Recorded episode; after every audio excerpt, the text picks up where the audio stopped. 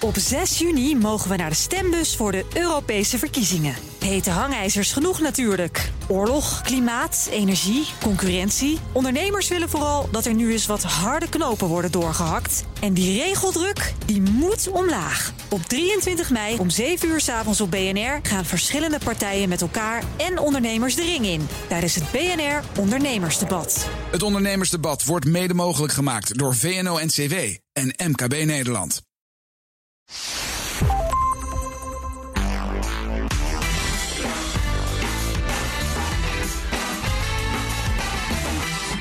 Welkom bij de Ben Tichelaar podcast bij BNR, de podcast over werk en leven. Deze keer gaan we het hebben over veranderen op je werk. We gaan in op vragen als waarom werken stappenplannen niet? En als er geen stappenplan is, waar moet ik dan beginnen? En hoe ga je om met mensen die veranderingen ondermijnen? Mijn gast in deze aflevering is Inge van Koten. Inge is bedrijfskundige en de schrijver van het boek Mensen maken of breken een verandering. Inge, welkom. Hartstikke mooi dat je er bent. Goedemiddag. Ja. Um, Inge, waarom boeit veranderen jou zo? Wat, wat, jij bent er dagelijks mee bezig. Je doet dat bij grote bedrijven. Je begeleidt veranderen, maar, veranderingen. Maar waarom boeit jou dat zo? Hoe is dat zo gekomen? Nou, eigenlijk is het zo, omdat verandering is er altijd. Er zijn altijd dingen die anders gaan bij bedrijven. Mensen veranderen, de condities veranderen, technologie verandert. Eigenlijk is de wereld continu in beweging. En dat vind ik heel mooi. En wat ik persoonlijk heel mooi aan verandering vind, is dat het elke keer iets nieuws uitvinden is. Je weet nog niet hoe je van A naar B komt. Dus ga je uitvinden met elkaar hoe dat zit.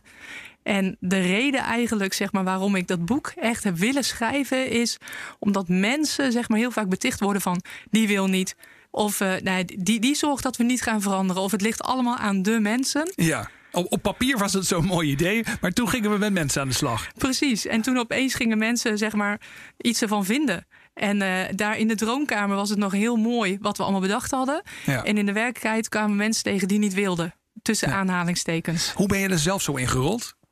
Um, nou, eigenlijk ben ik begonnen, eigenlijk overal waar het schuurde, uh, daar, daar, kwam ik op de een manier, werd ik gevraagd om mee te helpen. Ja. En dat integreert me, omdat ik dan eigenlijk wel graag wil dat het weer, zeg maar, de goede kant op gaat. En bij Van der Landen, waar ik gewerkt heb, daar ben ik echt uh, in het vak van veranderen gedoken. Ja. Echt Lean Six Sigma, dus een beetje de technische blik. Ben ook techneuten van oorsprong. En uh, op een gegeven moment dacht ik, ja, maar die techniek is leuk. Maar de mensen, die zijn nog veel belangrijker. Want die kunnen meedenken, ideeën verzinnen ja. en noem maar op. En zo ben ik erin gerold. Ja, maar het leuke is dus, pas als het zeg maar een beetje moeilijk en ingewikkeld wordt, dan kom jij ook een beetje op gang. Begrijp ik dat dan goed? Ja, dat begrijp je helemaal goed. Ik vind ja. het leuk als het complex is. Soms ook niet hoor. Dan denk ik, oh, hoe komen we hier ooit uit? Ja. Uh, en die mensen, weet je, ik vind het heel leuk om met mensen te werken, om te horen wat hun ideeën zijn. En die eigenlijk groter te maken. Ja, dan nog even een ander puntje. Ik kan me voorstellen dat mensen hier naar luisteren en denken, nou, het is allemaal leuk dat het zo boeiend is en dat Inge er ook erg van houdt en dat die tegenluid het dan wel zo interessant vindt. Maar waarom moet je je er eigenlijk in verdiepen? Als je nou bijvoorbeeld leidinggevende bent of je bent een professional, je vraagt je af: oké, maar waarom moet ik me nou in veranderen verdiepen? Omdat, ja, ik zei het al in het begin, de wereld is continu in verandering, maar dat is nog een beetje een dooddoener misschien. Maar juist als jij je mensen zeg maar, goed weet te motiveren of goed weet te vinden waarom zij willen veranderen en wat hen tegenhoudt om die andere stap te zetten, ja, als je dat voor elkaar krijgt, dan krijg je opeens zoveel denkkracht. Gaat jou meehelpen om die ja. verandering te, te krijgen. Ja. Dus er zit een hoop potentieel in de organisatie, uh, in je werkomgeving. En er komt er eigenlijk te weinig uit vaak. Zeker, ja, ja. superveel potentieel. Ja. Is het ook goed voor je, zeg maar, um, als je er naar luistert, die denkt, ja, maar als ik zelf nou beter word in veranderen, misschien mezelf veranderen, maar ook mijn collega's meekrijgen in verander, veranderingen. Is er veel behoefte aan in het bedrijfsleven? Is dat iets wat een, uh, een kwaliteit is waar je echt iets aan hebt?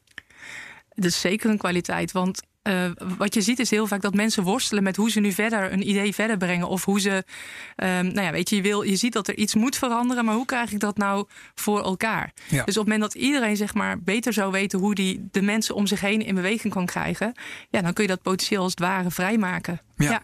Interessant. Goed man. Hey, um, jij zegt stappenplannen werken niet. Nou gaan we direct maar eens even op in. Stappenplannen werken niet. Maar wat is het alternatief? Hoe moet je dan aan de slag?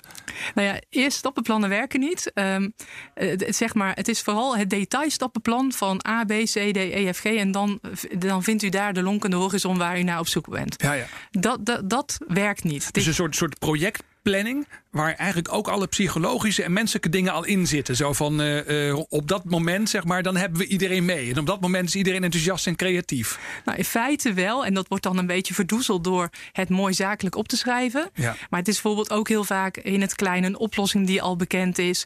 Of ehm, nou weet je, we, we doen eerst eh, kijken of er urgentie is. En dan, nou ja, weet je, je hebt allerlei beroemde stappenmodellen Ja. die je daarbij helpen. En ehm, nou, dus dat detailstappenplan werkt niet. En het mooiste voorbeeld wat ik ooit heb eh, is... eh, ik, deed, ik deed een verandering bij een salesproces. En ehm, bij een verkoopproces, even in het Nederlands. En eh, de, de manager daar was net nieuw. Eh, de afdeling ging echt niet goed. Rode cijfers, bloedrode cijfers. En hij was daar gehuurd, ingehuurd, of in ieder geval daar op die plek gekomen om daar verandering te brengen. Ja. Nou, hartstikke druk bij die man. Ik werd eh, aan hem toegedeeld als van, nou, zij gaat helpen. En eh, ik weet nog goed mijn eerste gesprek met hem. Toen zei ik, nou, weet je, we maakten kennis. En hij zegt, nou ja, weet je, ik wil jou vragen om dit stappenplan te implementeren. Oké. En toen dacht ik, mm, ehm, dat zie ik eigenlijk niet zo zitten. Maar hoe Want, ga ik want dit... dat was zo'n gedetailleerd stappenplan. Maar ook eh, zeg maar, wat de mensen moesten doen, dat was allemaal al Ja. voorgebakken. Ja. Hij had eigenlijk de oplossing al bedacht. Het was een checklist die hij in vorig bedrijf ook had gewerkt, eh, gebruikt. En voor hem, voor zijn gevoel, succesvol was. En nu dacht hij, nou, dan doe ik copy-paste. Ik doe hetzelfde oplossing, Ja. stappenplan, gebruik ik hier weer. Ja, dan rollen we dat ook hieruit. Ja, dat idee. We hebben het in één team gedaan, dat werkte. En nu plakken we het gewoon op het volgende team. Ja. Dus ja, ik voelde me wel een beetje eh, onder druk staan. Ik denk, hoe kom ik hier onderuit? Want we weten nog ineens wat er aan de hand is hier. Ja, dat was nog niet een serieuze diagnose. Het was ook helemaal niet bekend of mensen überhaupt open stonden voor dit stappenplan of voor deze checklist. Nee, exact. Ja. Dus dat wist hij niet. Het enige wat iedereen wist was dat de cijfers rood waren en dat er wel iets moest gebeuren. Ja. En toen heb ik me als volgt verkocht, want het is echt dan verkopen dat je het stappenplan even negeert. Ja. Toen zei ik: geef me een maand, want dan kunnen we eens kijken wat er aan de hand is. En dan kunnen we ook eens zien hoe de mensen erin staan. Nou, en ik denk dat het haakje mensen op dat moment hielp. Want ja, hij begreep ook wel als hij een stappenplan uitrolt en niemand gaat meedoen. Ja, dan hangt hij ook. Ja. En daarbij kwam ook dat eh, toen we in het managementteam, zijn managementteam kwamen, toen merkte je ook dat iedereen heel erg afwachtend naar hem zat te kijken. Zo van ja, eh, want dadelijk gaat hij mij aanwijzen als wat ik fout heb gedaan. Dus ja, de meewerking was er ook nog niet echt. Oké, dus hij snapte zelf wel dat, zeg maar, ehm, ja, dat die mensfactor wel een belangrijke eh, rol ging spelen in het succes van zijn plan. En daar, daardoor kon je ook zeg maar, aan hem verkopen dat hij misschien even op de rem moest trappen bij het gewoon domweg implementeren van een projectplan wat ergens anders had geslaagd, was geslaagd. Zeker. Ja, en ja. ik kreeg wel echt net een maand. Dus na een maand, in een maand heb ik heel veel met mensen gepraat. En toen bleek gewoon dat er hele andere dingen aan de hand waren. En dat we wel een paar ingrediënten uit zijn stappenplan konden gebruiken. Maar heel veel andere ingrediënten nodig hadden. Ja, je schrijft in je boek dat eigenlijk, en dat is nog geen stappenplan, maar dat is een soort proces wat je beschrijft. Er is een soort leerproces waar je altijd mee te maken hebt als je met verandering aan de slag gaat. Veranderen is eigenlijk leren. Hoe ziet dat leerproces eruit volgens jou? Nou, dat, dat leerproces is echt eigenlijk ehm, in techneutentaal is dat het is een black box. Hè? Het is onbekend gebied. De, de condities zijn anders, mensen zijn anders. Dus je weet gewoon nog niet hoe het eruit gaat zien. Je weet nog niet hoe jouw proces gaat reageren. ehm, hoe jouw mensen gaan reageren, wat wel en niet werkt. En dat is dus het leerproces. En Steve Jobs zegt het in mijn, eh, gevo- voor mijn gevoel wel heel mooi. Die zegt, je, je kunt de punten niet voorwaarts verbinden, maar achteraf kun je wel kijken wat gewerkt heeft. Ja. Dus voorwaarts moet je gewoon nog ontdekken wat er gaat werken. Dus je ontdekt eigenlijk eerst een andere stap. Eh, dan ga je die beproeven. Heel belangrijk. We zitten veel te lang in de theoretische tafel te bedenken hoe dingen werken. Maar we moeten het gewoon gaan beproeven, want Ja, dan dus weten we het echt. Ontdekken en dan beproeven. Ja. Ja. En, en daarna ga je dan evalueren. Want natuurlijk heb je als een goede verandering heb je een doel waar je naartoe werkt. En dan ga je kijken, oké, heeft me dit dichter bij mijn doel gebracht? En zijn er ook meer mensen fan van geworden? Want Ja. het kan je dichter bij je doel gebracht hebben. Maar uiteindelijk wil je ook met de mensen om je heen het gaan, eh, uiteindelijk gaan veranderen. Kun je van eh, die drie stappen kun je er iets meer toelichting bij geven? Als we, dus- als we dus zeggen, hè, ontdekken, eh, beproeven, evalueren. Dat zijn dus de drie hoofdingrediënten voor het leerproces, zoals jij het beschrijft in jouw boek. Ehm, hoe begin je met dat ontdekken? Hoe doe je dat met een groep mensen? Nou, dus, dat, ehm, hoe ik het het beste uit kan leggen is eigenlijk dat ik probeer zeg maar, wat verschillende perspectieven omheen te verzamelen. Dus juist diegene die altijd anders denkt. En, eh, of juist diegene die altijd heel kritisch is in een proces. Dus die veel te mekker heeft over een proces. Die probeer ik juist zeg maar, bij elkaar te brengen. En eh, dus al die verschillende perspectieven zorgen ervoor dat je eigenlijk op een andere manier kan kijken. En dat iemand dan opeens zegt van... ja, maar zou het niet dit en dit kunnen zijn? Of ik heb hier wel eens gehoord, zou het zoiets kunnen zijn? Dus eigenlijk wat heel grappig is, een fout die veel mensen maken, als ik jou dus ook zo beluister, is dat ze eh, misschien zelf vaak al meteen een plan hebben in het begin. Dat moet je dus niet hebben. Je moet even de ruimte hebben om nog dingen te ontdekken met elkaar. En dan, als je al een plan hebt, moet je zeker niet de mensen aan tafel halen die al meteen enthousiast zijn over jouw plan. Ja, je moet eigenlijk de ja-knikkers een beetje buiten de deur houden. Ja, ja-knikkers buiten de deur houden. En dan kan je met meerdere perspectieven kan je dus nieuwe ideeën gaan verzinnen. Misschien wel ideeën waar je zelf nog niet aan hebt gedacht. Althans, dat hoop je natuurlijk. Ja, ja dat hoop je. En dat is ook soms juist door daarna een andere stap eens uit te proberen. En dus met mensen, verschillende mensen het te laten doen. Ja. Zeggen mensen opeens wel, oh, die zie je iets anders doen dan je had bedacht. En dan denk je opeens, hé, hey, ja. maar dat is een andere manier die misschien wel werkt. En zo ga je verder in het lijstje. En zeg je ook net zoals bijvoorbeeld bij design thinking... of zoals we vaak in eh, start-up denken uh, wel geldt... dat je dan dat beproeven zo snel en zo goedkoop mogelijk moet doen? Is dat dan ook zeg maar iets waar jij voorstander van bent? Ja, ik ben enorm fan van zo snel mogelijk beproeven. Ja. En ik vind het heerlijk om met duct tape, papier... Uh, gewoon desnoods met een schets zeg maar het te gaan doen. Oké, okay. dus kun je zo'n voorbeeld geven? Want als je nou een bedrijfsproces of een verkoopproces wilt verbeteren... hoe ga je dan beproeven? Nou, wat we met het verkoopproces gedaan hebben... dus dat voorbeeld ook wat ik net uh, vertelde... wat we uiteindelijk gedaan hebben, want waar we achter kwamen... was dat mensen eigenlijk te weinig met elkaar in gesprek gingen over van... oké, um, hoe, zit de gunfactor van deze klant voor mij? Uh, heeft hij wel budget nu, noem maar op. En wat we gingen doen was gewoon eigenlijk een soort nou, oefenen uh, met elkaar van... goh, weet je, um, als we nu met elkaar in gesprek gaan... en ik ga lastige vragen stellen over jouw sales traject... wat gebeurt er dan? Ja. En een deel van het probleem was dat mensen elkaar geen lastige vragen meer durfden te stellen. Dus dat iedereen de kaart op zak hield. Ja, en dan helpt dat gewoon om te oefenen. Dus dat is een soort papier, maar dan op, uh, met pratend. En uh, laatst ben ik gewoon uh, bij de treinen. Ik werk ook bij NS. Dus heb bij de treinen heb ik gewoon in een simulator gewoon een, een soort papieren uh, manier van hoe we zeg maar wilden automatiseren, ben ik, heb ik ernaast gezet. En toen zijn we stap voor stap daar doorheen gelopen om te kijken ja. hoe dat ging. Ja, dus je, je, gaat ook echt simuleren. Je gaat proberen gewoon hoe het in het echt zou kunnen gaan. Ja. En soms probeer je het in het echt uit en soms moet je een simulatie doen. Ja, en ja. soms in het echt inderdaad. Maar des te veiliger je het maakt, des te meer mensen ook zullen experimenteren en mee gaan spelen. Want dat is al het voordeel van simuleren. Dat het mag fout gaan. Er gaat niks echt fout. Nee, het ontspoort letterlijk niks. Dan, le le nee. Letterlijk en figuurlijk, nee. ja. Hey, en dan nog even over dat evalueren. Want nou ja, ik heb ook wel eens een keer in een traject meegedaan. Ik mag ook wel eens een keer ergens lesgeven. Een van de dingen die met goed evalueren zo lastig vind, is dat mensen vaak achteraf uh, heel creatief zijn in het verzinnen van argumenten waarom dat hun idee toch het allerbeste was. Hoe kan je dat nou voorkomen? Dat je dus echt een beetje secuur, een beetje uh, gestructureerd evalueert. Ik ben een techneute. Ja. Dus waar ik wel van hou is echt ook meten, meten aan die verandering. Dus ik, okay. ik doe echt het kwantitatief stuk. Dus ik meet ook echt van, hey, weet je, wat is het verschil? En daarnaast ga ik gewoon bij heel veel mensen vragen van, goh, wat vond je ervan? En als je dat één op één doet in een veilige omgeving, dan durven mensen wel te komen met wat ze er echt okay. van vinden. Want vaak zie je in een verandering dat mensen onder druk van, omdat dit moet slagen of iemand vindt zijn, zijn oplossing inderdaad heel belangrijk, dat mensen dan niet meer durven te zeggen wat ze er echt van vinden. En ja. dat wil ik juist horen. Dus ik ben, ik zeg ook altijd, goh, heb je nou alles verteld? En dan komt er nog eentje. Ja, dat is ook wel interessant. Hè? Dus dit soort vragen goed leren stellen. Goh, heb je nou alles verteld? Dat kan dus ook helpen. Dat zijn wel een beetje de tricks of the trade waar je over praat. Ja, ja. en stiltes laten vallen. Dus op het moment dat je denkt er komt niks meer, dan toch ja. nog maar even wachten. En dan staat er opeens iemand op die zegt: Ja, maar eigenlijk vind ik dit niet zo'n goed idee, want. Ja, en heb je dan van tevoren, want als je dingen gaat meten, dan moet je van tevoren dus ook criteria hebben waarop je gaat meten. Dus dat moet je dan ook van tevoren hebben bedacht. Ja, en ik merk dat dat, ik moest een beetje lachen al, want in de, in de bedrijven, in de grote bedrijven, maar ook in de kleine bedrijven waar ik in gewerkt heb, merk ik dat uh, dat, dat meten, dat doel kwantitatief maken, dat is best wel een lastig ding. Ja. Dus uh, heel vaak wordt er gezegd, ja, we moeten flexibeler worden of we moeten dit. Ja, dat kun je niet meten. Nee. Dus ik steek altijd best wel veel effort in van, maar waar, wanneer, wanneer is het dan beter? Ja. Dus dan zeg ik, oh, stel dat ik dit nu als een dronken man heel slecht doe of juist heel goed, bij welke van de twee is beter? En is het dan plus één seconde, is het dan beter of is het dan valt het niet ja. mee? Dus dat kwantitatief maken, ja, ik, ik zweer daarbij.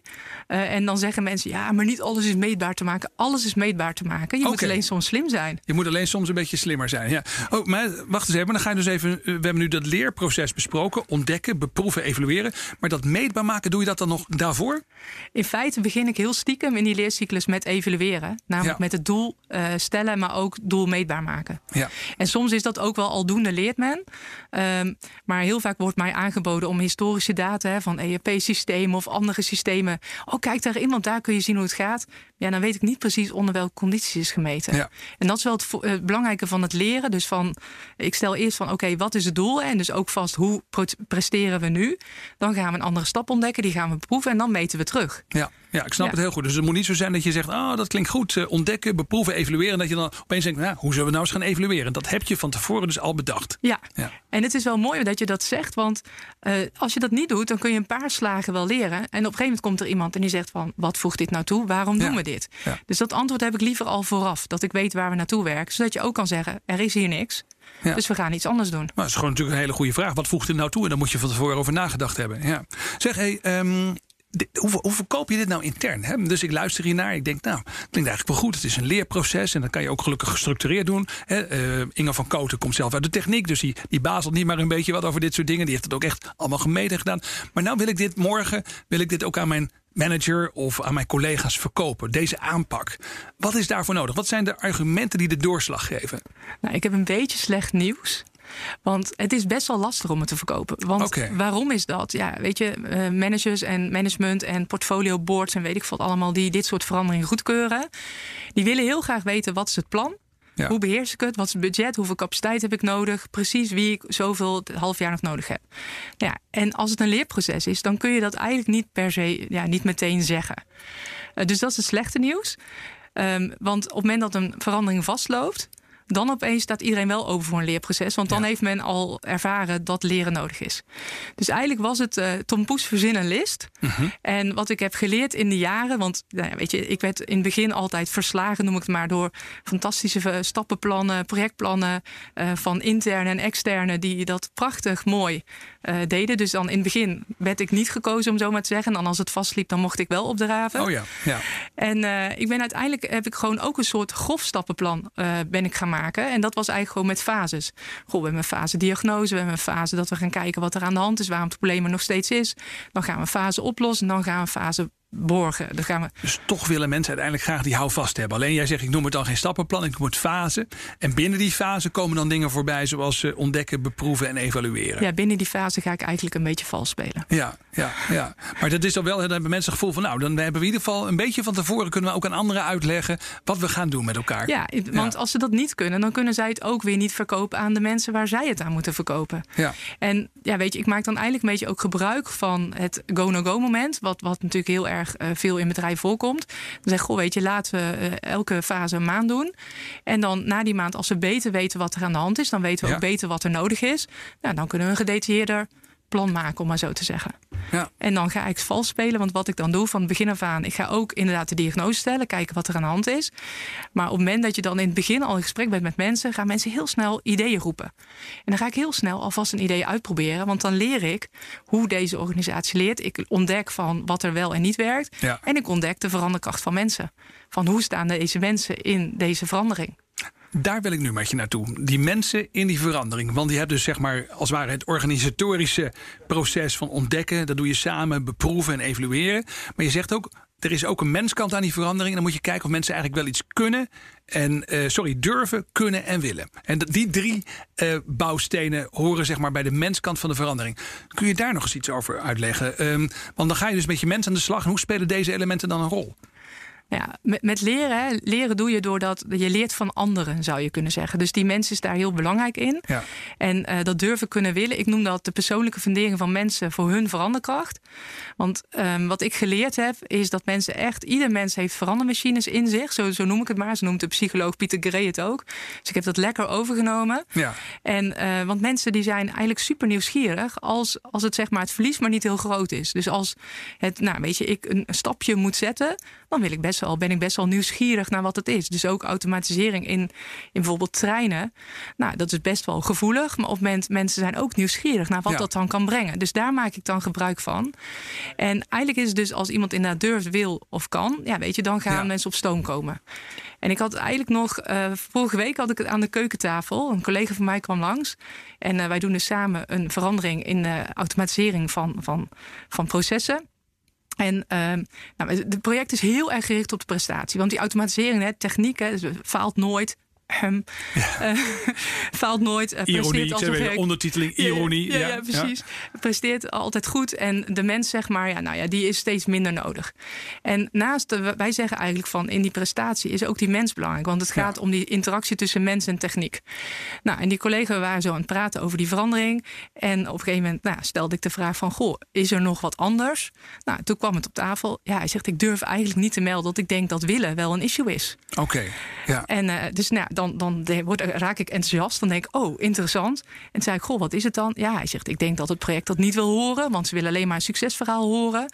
Maar het is er wel. Want ja, weet je, mensen zien nog niet zo goed in... dat ze ook een leuke job hier krijgen. ja. Dus, eh, maar ik durf het niet op tafel leggen. En eigenlijk weet ik ook niet zo goed hoe ik het moet doen. Want ja, weet je, het is een gevoelig onderwerp. Dus eigenlijk, als ik het dan goed begrijp, dan zeg je: oké, we gaan dus zeg maar dat leerproces hebben aan de ene kant ontdekken, beproeven, evalueren. Maar of mensen daaraan meedoen, of ze zin hebben, zeg maar, om eh, nou ja, dat ze, dat ze echt nou ja, aan boord zijn, heeft te maken met deze drie factoren. En dan kan je dus kijken, nou, zit er een probleem bij het durven, of zit er een probleem bij het kunnen, of zit er een probleem bij het willen? Ja, en Ja. hier zat het willen wel goed. Want we willen echt wel dat, dat het ook een mooie job wordt. Ja. Maar het op tafel durven leggen terwijl je weet dat anderen daar misschien iets van vinden en het niet fijn vinden om dat te horen, want je verstoort hun succesfeestje. Ja. Ja, dan zit hij heel erg op durven. En dan komt daarna ook nog kunnen om de hoek kijken. Ja, hoe leg ik dat dan op tafel? Ja. Nou ja, en dan kunnen is heel erg hulp aanvaarden en hulp zoeken om dat te doen. Ja, en het mooiste was, nou ja, na het gesprek, collega opgelucht, krijg s'avonds een appje. Ja, ik heb nog niet gebeld, maar dit is geen uitstelgedrag. Oké, ja, ja, ja. Maar dit was een smiley, dus ik denk dat dit wel eh, zeker waar is. Hoe zit het met je eigen menskant? Jij begeleidt dit soort dingen. Ehm, Ik kan me voorstellen dat wanneer je zeg maar, nou, best wel wat ervaring hierin hebt... en eh, ook wel belangrijke projecten begeleidt eigenlijk... dat je dan ook gewoon nou, hoopt dat het lekker gaat. Maar ja, het probleem natuurlijk met leerprocessen is... het kan ook wel eens een keer fout gaan. En het probleem met die menskant is... ja, dan soms kunnen ze niet, soms durven ze niet en soms willen ze niet. Hoe werkt dat? Hoe zorg je dat je jezelf overeind blijft in al die verandertrajecten? Dat je, dat je, nou ja, dat je er een beetje lol in houdt, zou ik maar zeggen. Ja, want dat overeind blijven is wel mooi ge- eh, gezegd. Want dat is soms wel, ja, weet je, op het moment dat mensen niet durven, of dus dat hun fundament eh, eigenlijk verzwakt is, ja, dan komt er wel zeg maar een soort overlevingsmechanisme aan. En dan Ja. gaan mensen boos worden, of mensen zeggen lelijke dingen. Eh, dus laat zei iemand, waar moei je eigenlijk mee en hoe kom je hierop? En Nou ja, precies. Je komt van buiten. Je gaat eventjes dingen lopen veranderen in hun processen. En dan soms misschien wel tegen hun zin in. Ja. Ja, nou ja, weet je, of, of het, nou weet je, de- er komt in zo'n pipo van het hoofdkantoor, hè, ook eentje die ik vaak krijg. En eh, dus het eerste eigenlijk wat ik doe, is voor mezelf ook, is zeggen van eh, het, het zinnetje toe te voegen, ze lijken weerstand te hebben. Oké. En dat doe ik omdat dat ruimte geeft aan mezelf. Want natuurlijk vind ik er iets van als iemand mij gewoon nogal eh, niet zo leuk be- bejegent. Ja. Dan, dan heb ik ook wel soms de neiging om te denken van nou, weet je, doe eens even normaal. Maar door dat lijken te doen, dan kan ik daarna weer, heb ik ruimte om te gaan onderzoeken wat is er nou eigenlijk aan de hand. Een soort denkpauze las je in door te zeggen ze lijken weerstand te hebben. Dus er zit nog een iets van, van onderzoekende mentaliteit zit daarin. Ja. Hè? Dus dat je denkt, nou, het is nog een, laten we niet direct 100% ervan uitgaan dat het weerstand is. Precies. En, en als dat dan zo is, dus dan, dan, nou ja, weet je, dan denk ik altijd maar blaffende honden bijten niet. En dan ga ik in gesprek. Ja. En dat doe ik wel het liefst één op één, omdat het dan ook veilig voor die ander is. En soms moet je daar wel, eh, want ik werk heel vaak in de operationele sfeer. Dus dan zitten mensen te werken en dan is het tijdens het werken dat je dat, ook dat soort gesprekken voert. Want in de operatie worden mensen niet altijd vrijgemaakt. Nee, dus je moet gewoon in het operationele proces van een bedrijf... kom je dan even langs, kijk je mee en stel je wat vragen. Ja, je moet je voorstellen dat dat heel vaak op zaal is. Dus in een zaal met heel veel andere mensen die dan ook heel nieuwsgierig meeluisteren. Oh ja. Dus dat is best wel spannend. En dan moet ik wel, nou ja, weet je, dan trill ik zelf ook wel dat ik denk, nou, eh, oké, spannend. Hoe gaat deze persoon reageren? En op het moment dat we in gesprek gaan, dus eh, echt ook de ruimte geven die ander, dan, dan vraag ik ook altijd van, goh, weet je, wat maakt nou, wat is er eigenlijk aan de hand? Ja. En vaak is het een zorg van iemand, dus ehm, of iets dat, dat hij nog niet vindt dat gehoord is, of hij vindt dat hij zelf niet gehoord is. En op het moment dat je daar in gesprek over gaat, en dan, ja, weet je, dan, dan hoor je ook de dingen waar hij zich zorgen over maakt. Bijna altijd eh, nou, kan ik het omturnen naar van, weet je, dat we het mee kunnen nemen. Of dat ik zeg, joh, weet je, maar dat willen we eigenlijk heel graag toevoegen. Zou je ons willen helpen? Ja. En vaak zijn de grootste brekers of de hardste roepers, dat worden later je hardste roepers voor de verandering. En de moeilijke zijn dus eigenlijk ook degene die wat stil worden. Oké. Want die zie je niet meteen dat die ook tegen zijn. Dus belangrijk is in die breekenergie, dus die harde breekenergie, die doet ook wat met jou. Ja, maar als harde mensen. Breekenergie, dat is echt een woord voor jou. Dat betekent. Ja. nou ja, dat mensen echt gewoon boos worden. En dat mensen echt er iets van vinden. En dus nou ja, blaffende honden. En daar kun je iets mee. Maar de mensen die zeg maar als het ware stil worden en ondertussen misschien in stilte de zaak verder ondermijnen, zonder dat je daar zicht op hebt, dat is lastig. Dat is lastiger. En daarvoor is dus heel belangrijk dat je dus vaak op die vloer bent waar die verandering plaatsvindt. Dus niet alleen met de managers overlegt hoe dit gaat, maar echt gewoon daar veel bent en gewoon veel gesprekken aanknoopt. En dan ontstaat er dus ook dat, vertrouwen en ook dat ja, die fundering wordt eigenlijk aan beide kanten groeit die. En dan gaan mensen uiteindelijk komen die mensen ook wel. Ja, maar het is wel interessant. Wordt natuurlijk heel vaak gezegd, je moet wel in gesprek blijven. Want het is natuurlijk zo'n soort dooddoener. Maar jij laat ook eventjes zien hoe je dan in gesprek blijft. En dat doe je door inderdaad ook echt op die mensen af te stappen. Die kritiek hebben. Je gaat naast ze zitten in de werkomgeving. En je probeert echt boven water te krijgen waar het hem in zit. Ja, dus, dus ja, weet je, groepsgesprekken kunnen ook. Hè, maar dan heb je wel de groepsdruk waardoor mensen toch niet komen. En de gesprekken bij de koffieautomaat. Um, en ook heel vaak begin ik ook, want ik ben echt geïnteresseerd in hun werk. Ja. En dat helpt heel vaak, want dat is nou juist wat ze dag in dag uit doen. Ja, en daar zitten ook de, de ideeën, de, de creativiteit voor verbetering zit daar. Ja, dan vraag ik wel eens, goh, wat zou je nou zelf willen verbeteren? Waar erger je wel eens aan? Ergernis en frustratie zijn een hele mooie bron van willen. Ja. Ja, nou, hoe, hoe gaaf zou het zijn als dat weggenomen wordt? Ja, zo gaaf zijn, maar dat kan toch niet. Nou, weet oh, je? Ja, ja. Zo'n mooi gesprek. Ja. Leuk zeg, leuk om dat te horen. Zeg, uh, we moeten alweer bijna naar het, uh, het einde toe. Ik moet even één dingetje zeggen, en dat is aan de luisteraar gericht.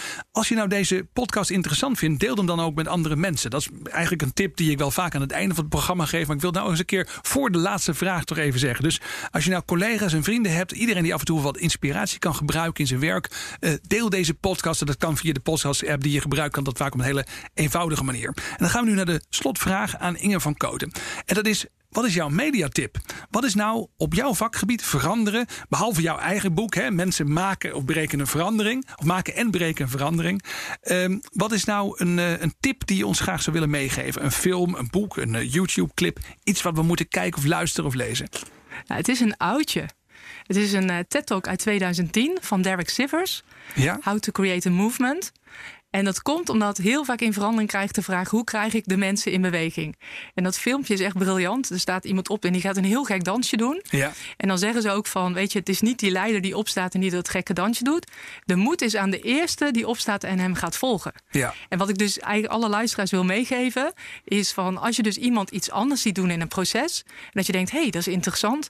Of gewoon, huh, wat gek. Dat je niet zo gaat zitten oordelen wat daarvan is, maar dat je dan opstaat en de moed hebt om daar te gaan volgen en in gesprek te gaan. Ja, hartstikke mooi. Um, ik ga hem ook nog eventjes uh, online erbij zetten, zodat mensen erop kunnen klikken. Dat doen we op de BNR-site. Hartstikke leuk, Inge, dat je hier wilde zijn en dat je je inzichten met ons wilde delen. Wilde delen. Dankjewel. Graag gedaan. Dit was de Ben Tichelaar podcast bij BNR met als gast deze keer Inge van Koten. Dank je voor het luisteren en tot snel.